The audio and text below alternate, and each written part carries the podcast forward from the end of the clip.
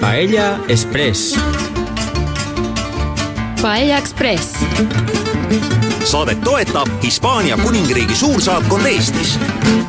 tere tulemast kuulama järjekordset Paia Ekspressi saadet. täna reisime ajaloos. meie tee viib Hispaania ja Kataloonia kaugemasse ja lähemasse minevikku. seljakotid selga ja astuge rongi tänase reisi käigus räägime sellest, mis ajast alates saab rääkida sellisest Hispaaniast, nagu me seda tänapäeval teame, olulistest ajaloolistest kuupäevadest, kuningatest ja kuningannadest. aga räägime ka põllumeestest ja toolistest, revolutsioonidest ja rõhujate vastu üles tõusnud rahvast ning veest, mis eraldab Hispaaniat ja Ameerikat ja veest, mida pole piisavalt räägime ka rõõmupäevadest ja igapäevastest lugudest, sest lõppude lõpuks ei ole suur ja tahtis ajalugu muud kui väikeste igapäevaste lugude kooslus, nagu igal laupäeval, nii ka täna on stuudios Kairi Villemson. Anneli Tarto. Maria Ferreiro Lopez. ja Hector Alcinet Rodriguez. mis oleks, kui alustaksime tänast saadet Hispaania algusest ehk püüaksime üles otsida Hispaania ja selle sõna juured. Hispaaniale andsid selle nime, millega me seda tänapäeval tunneme, roomlased, sest nemad kutsusid juba kakssada aastat enne Kristust seda maa-ala Hispaaniaks. enne seda nimetasid kreeklased seda paika Ibeeriaks. seepärast kutsutakse Pürenee poolsaart mõnikord ka Ibeeria poolsaareks. kes aga olid esimesed, kes seda Hispaaniaks nimetasid? Need olid foiniiglased, tugevate kaubandustraditsioonidega rahvas, kes oli pärit tänapäeva Liibanoni aladelt, Vahemere idarannikult. ja nemad nimetasid selle maa esimesena Hispaaniaks, mis tõlkes tähendaks küülikute rikast maad nagu mainisime ka ühes eelmises saates, siis tollel ajal oli Pürenee poolsaarel nii palju metsa, et orav sai puult puule hüpates ühest poolsaare otsast teise nii, et ta ei pidanud kordagi maad puudutama. See on praeguseks muutunud ning sellel poolsaarel on rohkem betooni kui puid. Õnneks on siiski säilinud ka imeilusaid looduslikke värvikate lugudega paiku kuulame laulu, mis jutustab loo mehest ja tema elust. esitajaks on Hispaania popmuusika viimase kolmekümne aasta üks tuntuimatest bändidest, Radio Futura. laul Lolpea Simoni elust. Ya se retira el sol y los hombres acechan, sentados a la puerta del bar. Las parejas se van por la carretera. Y aquí viene Simón con su extraño andar. Hola Simón, ¿dónde vas tan aprisa? Para un poco, ¿qué quieres tomar? Dicen que siempre cuentas la misma historia. Lo que esperan todos, se sienten mejor. Que tu padre murió por quemar la iglesia. Que tu desdicha es castigo del Señor. Eres tonto, Simón y no tienes elección. De tu cráneo rapado al cero, quita esa gorra de obrero y sortea la cuestión,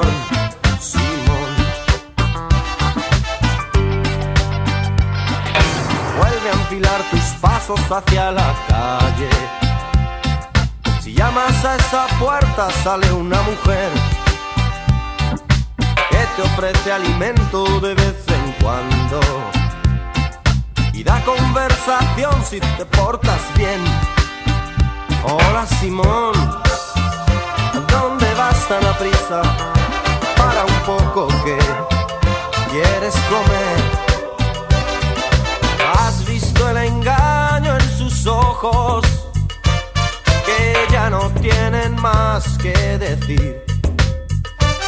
Los golpes ya no duelen, ay Simón si pusieras tu cuerpo en acción. Vale más que te largues fuera del pueblo. Recita tu oración y no pienses mal tendrás allí el aliento de los luceros y tal vez el calor de algún animal. Eres tonto, Simón, y no tienes selección. De tu cráneo rapado altero, quita esa gorra de obrero y sortea la cuestión.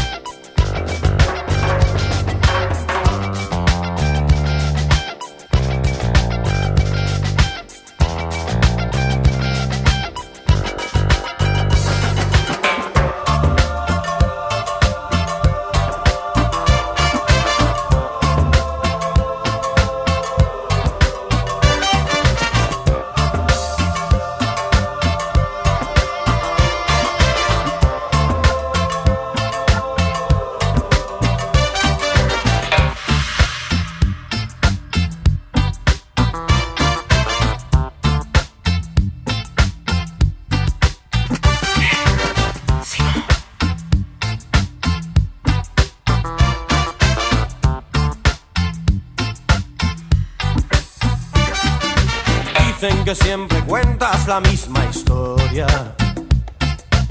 Es lo que esperan todos, se sienten mejor.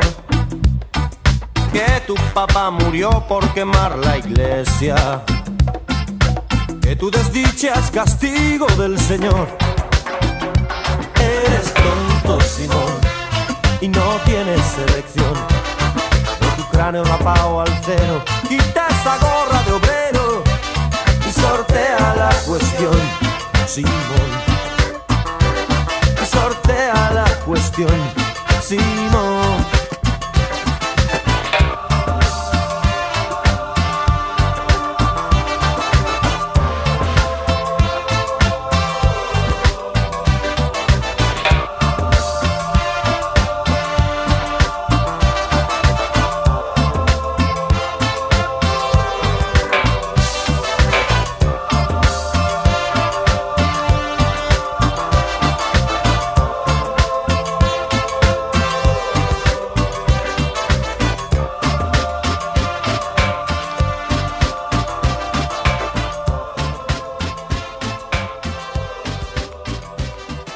Järgmine peatus Cartagena. tänast ajalooreisi alustame Vahemere kaldalt Murcia autonoomsest piirkonnast Cartagena linnast. selles piirkonnas on sajandeid tegeletud maagikaevandusega. viimasel ajal on tuntust toonud ka sõjalaevastiku baas. Cartagena on ka õli tootmise, tsitrusviljade kasvatamise ja aiasaaduste pealinn. tänu tina, hõbeda ja tsingimaardlatele kerkis sellele kohale asula juba kaks tuhat viissada aastat tagasi, millest hiljem kasvas välja Cartagena linn roomlased ja kartaagolased võitlesid võimu pärast Vahemere piirkonnas sajandeid. umbes kakssada aastat enne Kristust said roomlased Cartagena linna enda valdusesse. millised teised vanad tsivilisatsioonid on Pürenee poolsaarel elanud? Oleme juba maininud kreeklasi, foiniiklasi ja kartaagolasi. rahvastikku ja kultuuri mõjutasid enne Rooma tsivilisatsiooni väga tugevalt iberlased. Iberlased elasid Kagu-Prantsusmaast kuni Andaluusiani ulatuval suurel territooriumil. Nad elasid pigem väikeste kogukondadena ja kauplesid aeg-ajalt teise tsivilisatsioonidega. Nende kaubandus põhines põllumajandussaadustel ja käsitööl. Need väikesed hõimud ei tundnud ennast osana ühest suurest iberlaste kogukonnast. Neid ühendas vaid Iberia keelesüsteem ja sarnased matmiskombed surnud tuhastati. Nende peamiseks elatusallikaks oli põllumajandus ja karjakasvatus, aga nad kaevandasid teatud määral ka maavarasid ja tegelesid kalapüügiga. Iberia hõimudel oli välja kujunenud sotsiaalne kord ning halduslik baas ja riigiasutused, kuid need struktuurid ei saanud roomlaste ja kartaagolastega peetud sõdade tõttu edasi areneda. igal hõimul oli oma pealik või juht ning maaomanike seltsid. mul on üks lugu, mis räägib minu linnast ja iberlastest. Kas see on lugu kahest Iberia printsist, Indiviilist ja Mandoonist, kes astusid Rooma sõjaväe vastu, et kaitsta oma naisi ja vabadust? natuke nagu Asterix ja Obelix. nojah, peaaegu. Nad olid Illergetesi nimelise hõimujuhid ja nad said romlastelt lüüa. aga nende mälestust hoitakse Lleidas au sees. Neile on püstitatud kesklinnas üks monument. roomlasi oli palju ja nende sõjavägi oli tugev. Nende mõju on olnud nii suur, et kõik Pürinee poolsaarel kõneldavad keeled, välja arvatud vaski keel, pärinevad ladina keelest. Nende keelte juured on vulgaarladina keeles, millele lisandusid ka teiste keelte, näiteks Iberia keelte mõjud ning aja jooksul arenesidki välja galeegi, kastiilia, katalaani ja portugali keeled. nüüd aga räägime roomlaste saabumisest Pürenee poolsaarele, mis, nagu juba mainisime, leidis aset pärast kartaagolaste lüüasaamist. Kartaago vägesid juhatas müütilise kuulsuse saavutanud Hannibal. alates sada üheksakümmend seitse aastat enne Kristust võib rääkida Hispaania alade ühendamisest Rooma impeeriumi koosseisu Põhja-Hispaania aladel elavate rahvaste allutamiseni läks roomlastel aga veel peaaegu kakssada aastat.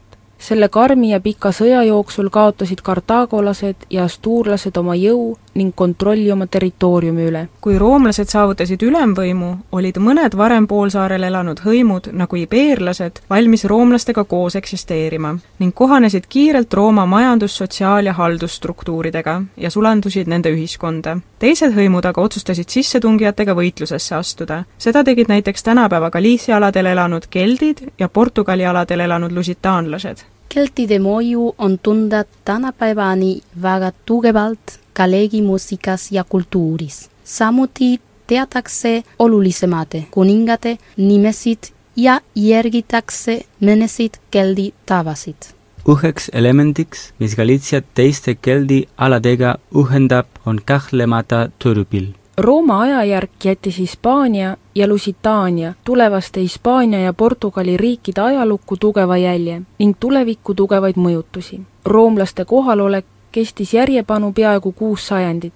Nende institutsioonide käes oli täielik kontroll ning kultuuriline ülemvõim vaieldamatu. räägiti ladina keeles, kummardati Rooma jumalaid ja keisrit ning maitset, traditsioonid ja eluviis oli kogu keisririigis roomalik. pealinnaks oli Rooma, aga Hispaania alade suurimateks ja tähtsamateks linnadeks olid Tarraco, praegune Tarragona, Cesar Augusta, praegune Zaragoza, Emerita Augusta, praegune Merida, need kõik olid väga olulised linnad.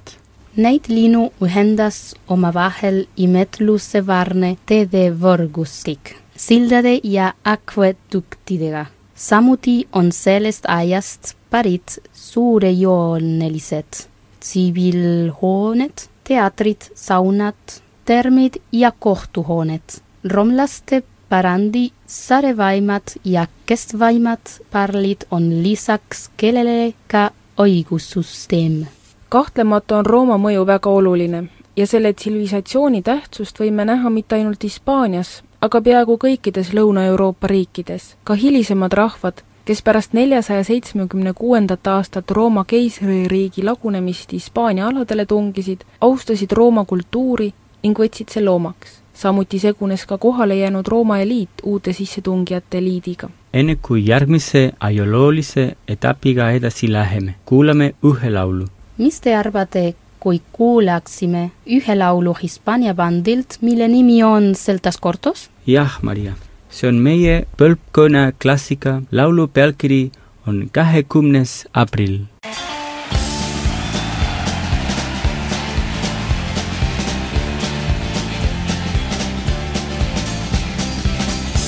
de abril del 90.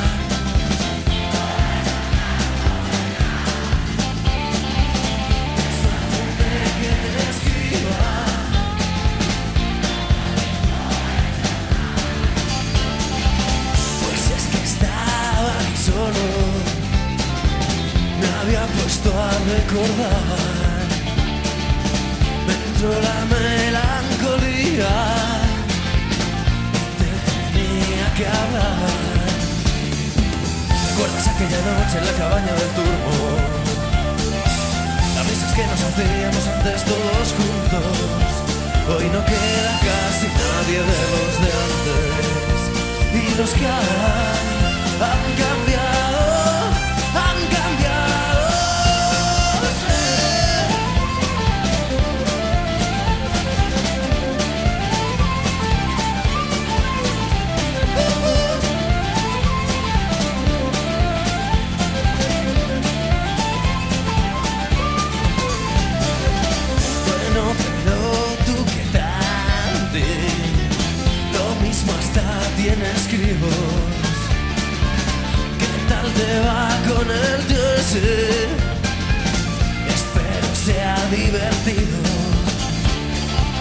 Yo la verdad, como siempre, sigo currando en lo mismo.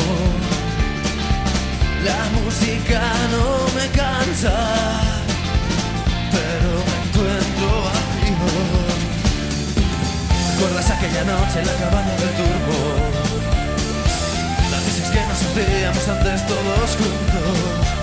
Hoy no queda casi nadie de los de antes. Y los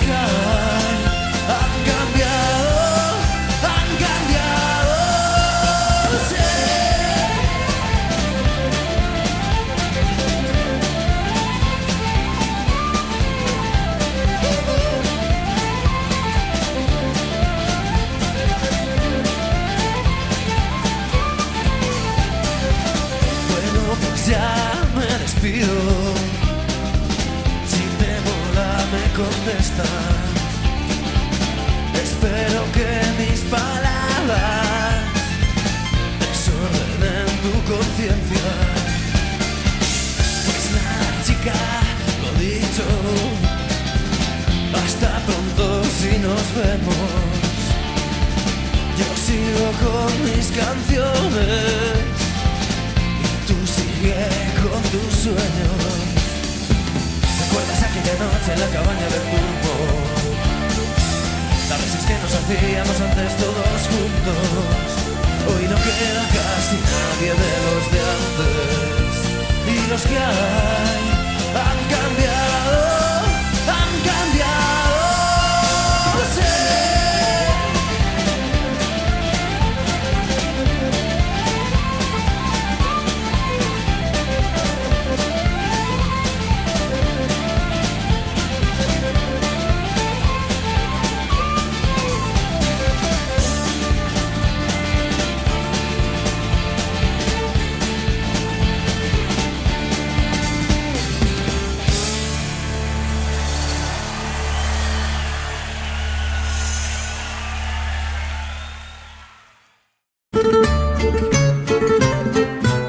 Paella Express. Paella Express.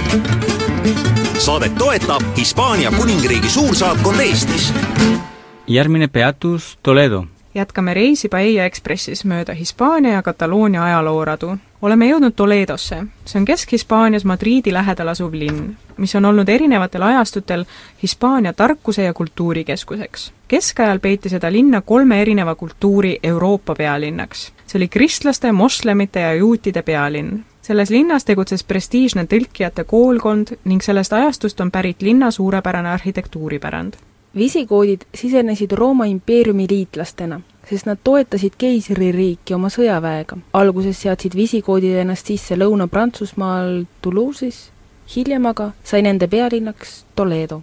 Rooma aegsesse Hispaaniasse elama asunud Germani heimudest olid visigoodid need, kes võtsid omaks romlaste kultuuri, mida peeti tol ajal ülimaks kultuuriks. Nende religiooniks oli alguses arianism, kuid hiljem ütlesid nad sellest kristluse kasuks lahti.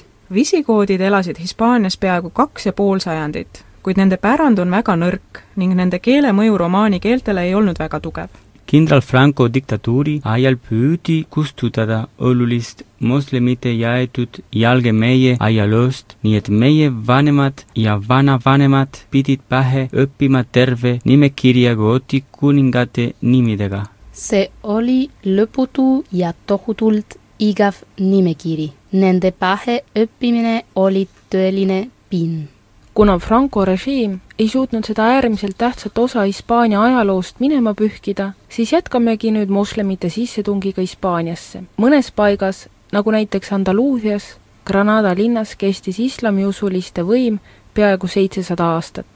Täpsemalt alates moslemite sissetungist seitsmesaja üheteistkümnendast aastast kuni tuhande neljasaja üheksakümne teise aastani, mil linn kaotati katoliikliku kuningapaari Fernando ja Isabelli armeele. samas oli Pürenee poolsaarel ka alasid, kuhu moslemite võim kunagi ei ulatunud. näiteks mägised piirkonnad Põhja-Hispaanias. ja seda seetõttu, et need alad ei olnud majanduslikus mõttes moslemitele kasulikud, sest nende tsivilisatsiooni tugevaks ja jõukaks aluseks oli põllumajandus. piirkonnad, kuhu moslemite võim ei ulatunud, olid erinevate kristlike krahvide ja kuningate võimu all kes tegid omavahel koostööd vaid selleks, et kaitsta oma territooriume moslemite ähvardava sissetungi eest. vastupidiselt sellele, mida võidakse arvata, käis kristlaste ja islamiusuliste vahel pidev kaubandustegevus. ei maksa unustada, et Hispaanias elas samuti kaalukas juutide kogukond. kõik kultuurid eksisteerisid koos, mitte küll ilma pingeteta, ning paljudes linnades elati kultuuriti erinevates linnaosades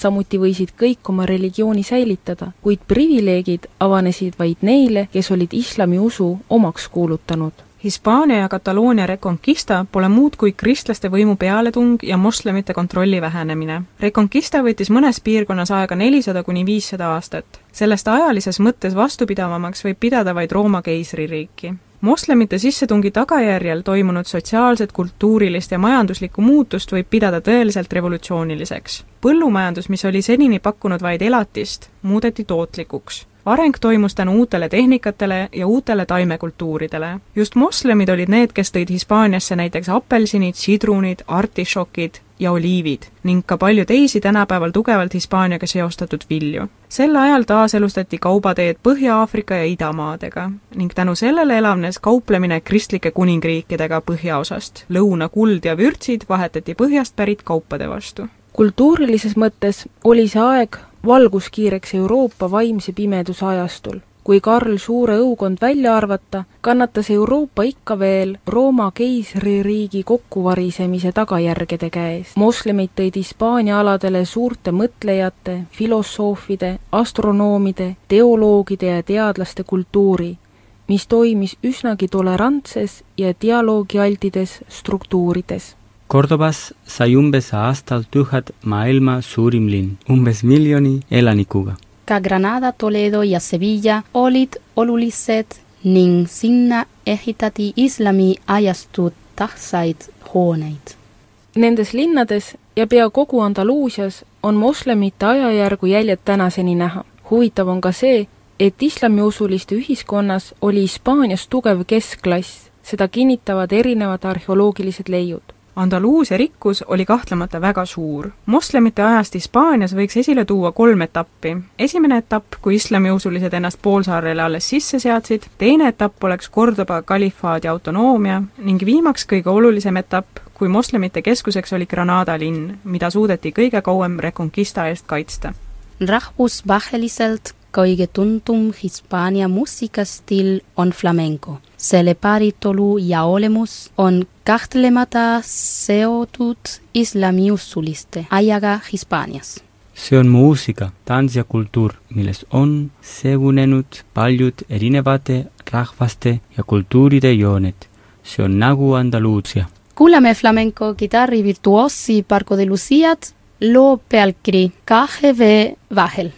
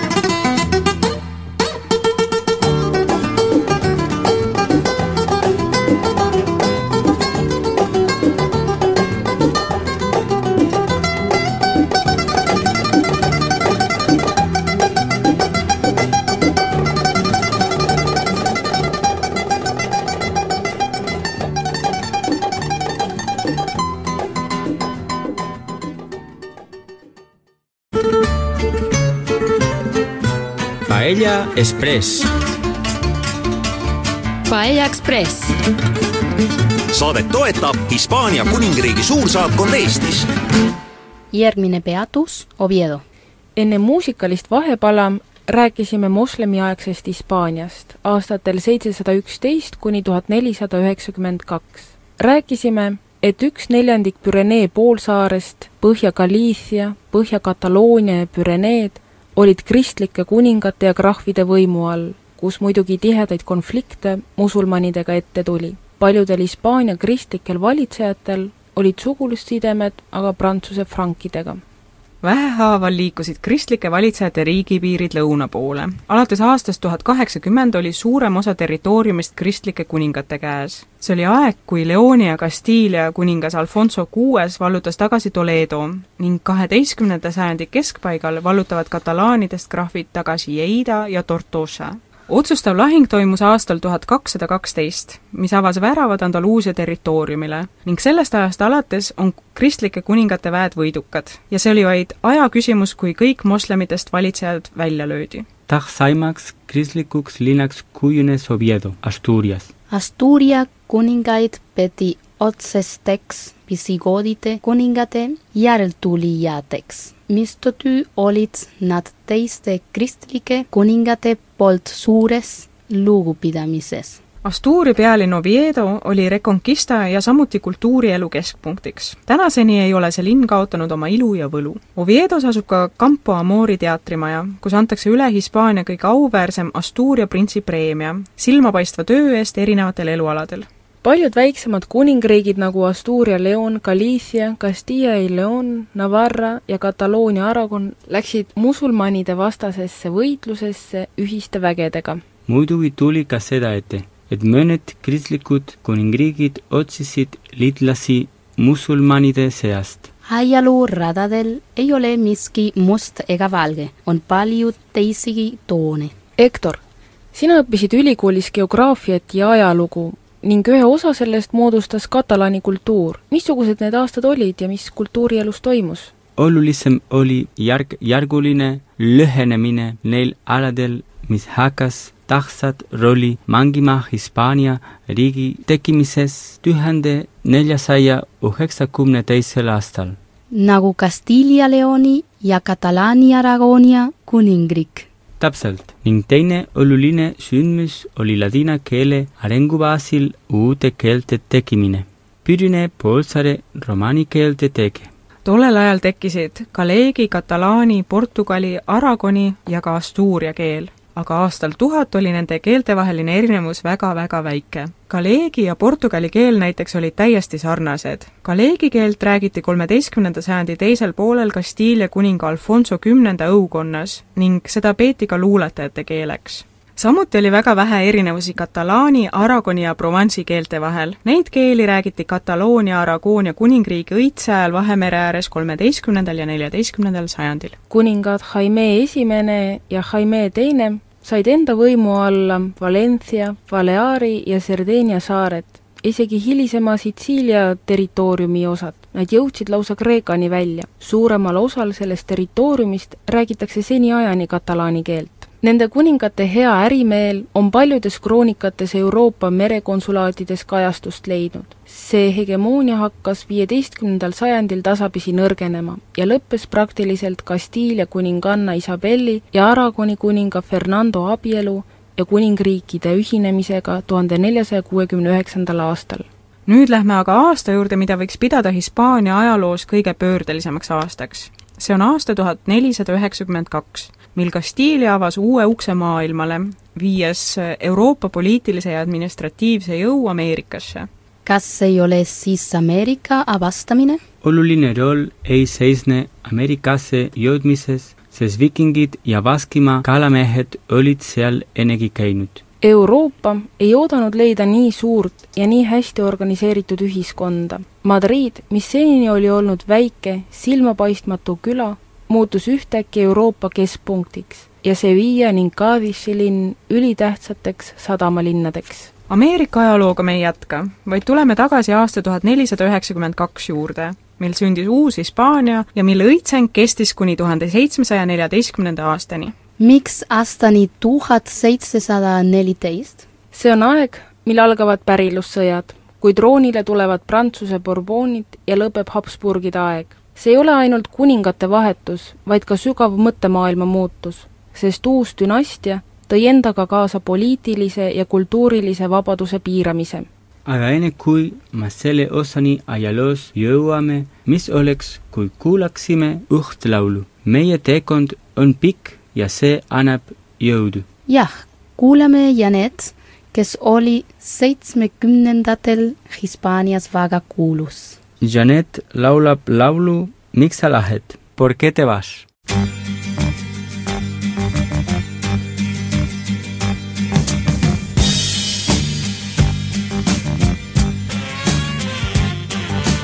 Hoy en mi ventana brilla el sol y el corazón se pone triste contemplando la ciudad. ¿Por qué te vas?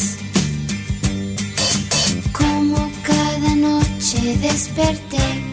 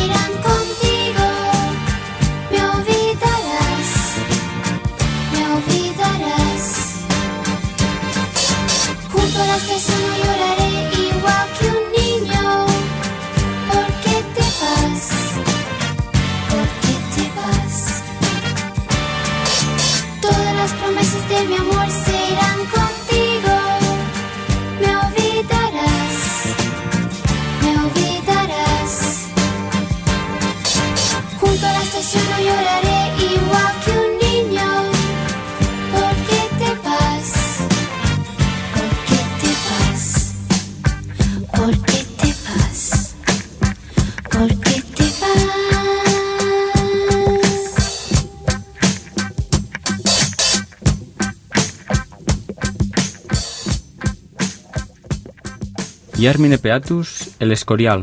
mitte kaugel Madridist asub Hispaania renessansiaegne arhitektuuripärl. see on Hispaania Panteon, Hispaania kuningate matmispaik ja kahtlemata kuueteistkümnenda sajandi õitsva imperialistliku Hispaania eredamaid sümboleid. selle lasi ehitada kuningas Philipp Teine, meenutamaks tuhande viiesaja viiekümne seitsmendal aastal saavutatud võitu prantslaste üle San Quintinis tuleme tagasi selle maagilise tuhande neljasaja üheksakümne teise aasta juurde, mida mõned ajaloolased nimetavad tänase Hispaania riigi kujunemise aastaks. lisaks Ameerikasse jõudmisele jääb sellesse aastasse veel kaks tähtsat sündmust. Granada tagasi vallutamine arablastelt ja ühtlasi musulmanide võimu kaotamine Pürinee poolsaarel.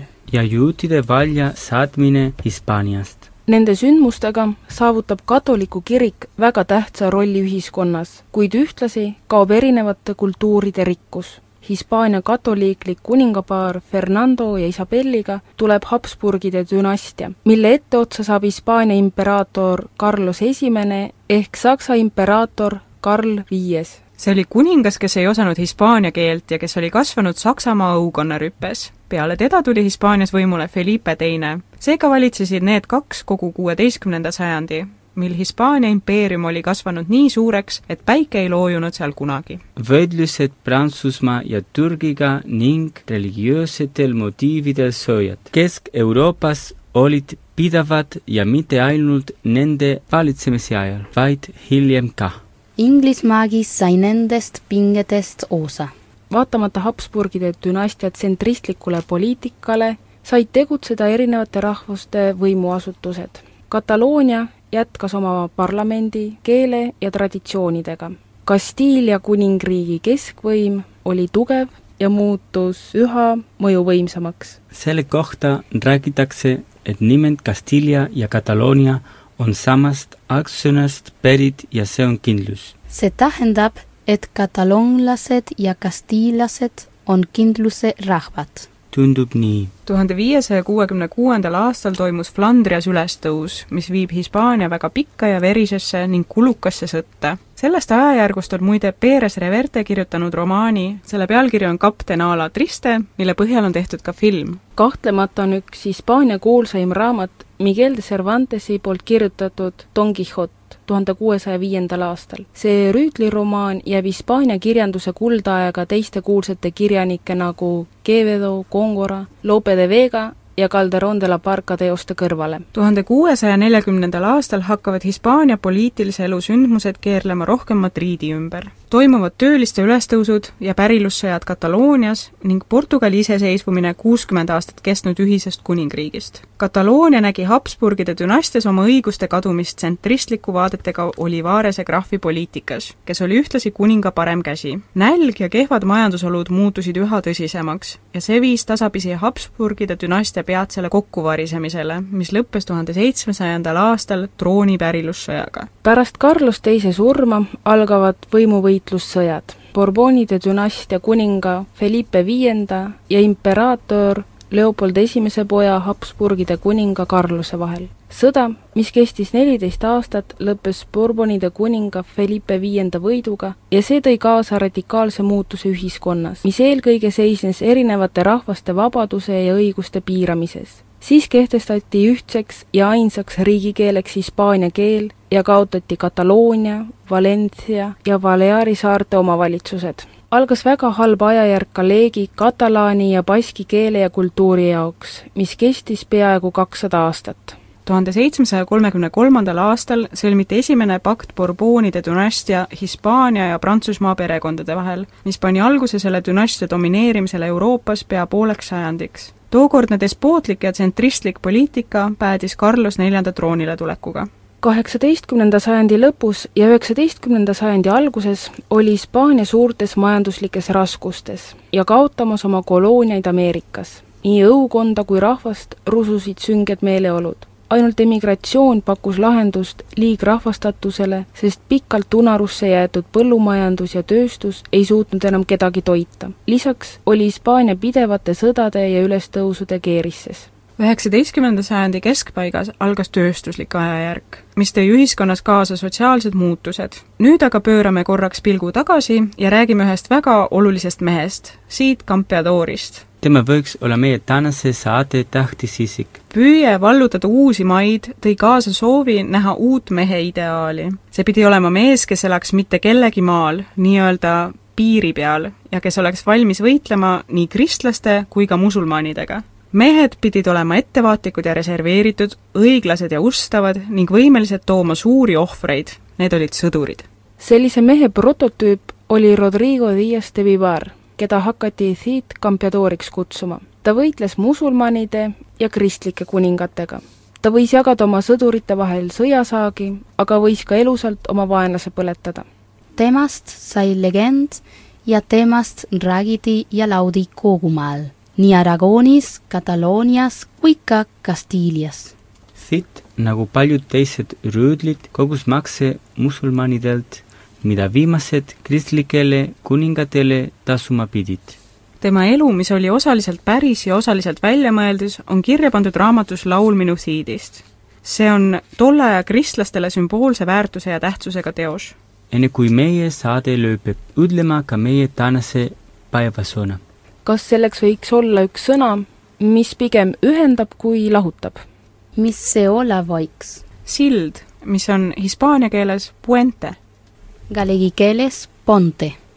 Katalaani keeles pont baski keeles suvi. selline oli meie tänane põgus ülevaade Hispaania ja Kataloonia ajaloost. loodame, et see meeldis ja oli teile huvitav. järgmisel nädalal räägime juba hoopis teistel teemadel saates Paie Ekspress. saadet jääb lõpetama Raimon lauluga Belle se vens. head aega! tšau, tšau! Adios!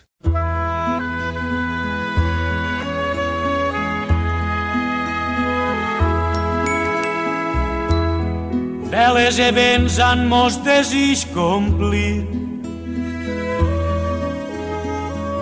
Faen camins dubtosos per la mar. Mestre i ponent contra d'ells veig armar. Xaloc llevant, los deuen subvenir, a llurs amics lo grec e lo millor. Fent humils precs al vent tramuntanal. Que en som bufar l'oceà parcial e que tots cinc complesquen mon retorn. Bollirà el mar com la cassola en forn, mudant color l'estat natural e mostrarà voler tot a res mal que sobre si atur un punt al jorn. Grans e pocs peix a records correran e cercaran amagatalls secrets fugint al mar on són nodrits i fets. Per gran remei en terra eixiran. Amor de vos i on sent més que no en sé, de que la part pitjor me'n romandrà, e de vos sap lo qui sens vos està a joc de daus vos acompararé. Jo tem la mort per no ser-vos absent, perquè amor per mort és anul·lat. Mas jo no creu que mon voler sobrat busca ser per tal de partiment. Jo sóc gelós de vostres cas voler, que jo morint no m'he min oblit, sols és pensar-me tol del món delit, car nos vivint no creu se busca fer. Ha pres ma mort d'amar per dau poder. E si a tost en ira convertit.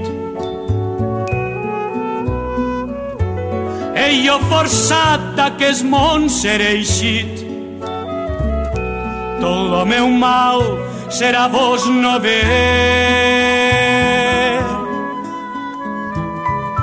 Amor de vos i on sent més que no en sé. De que la part pitjor me'n romandrà. E de vos sap lo qui sens vos està. A joc de daus vos acompararé a joc de daus vos acompararé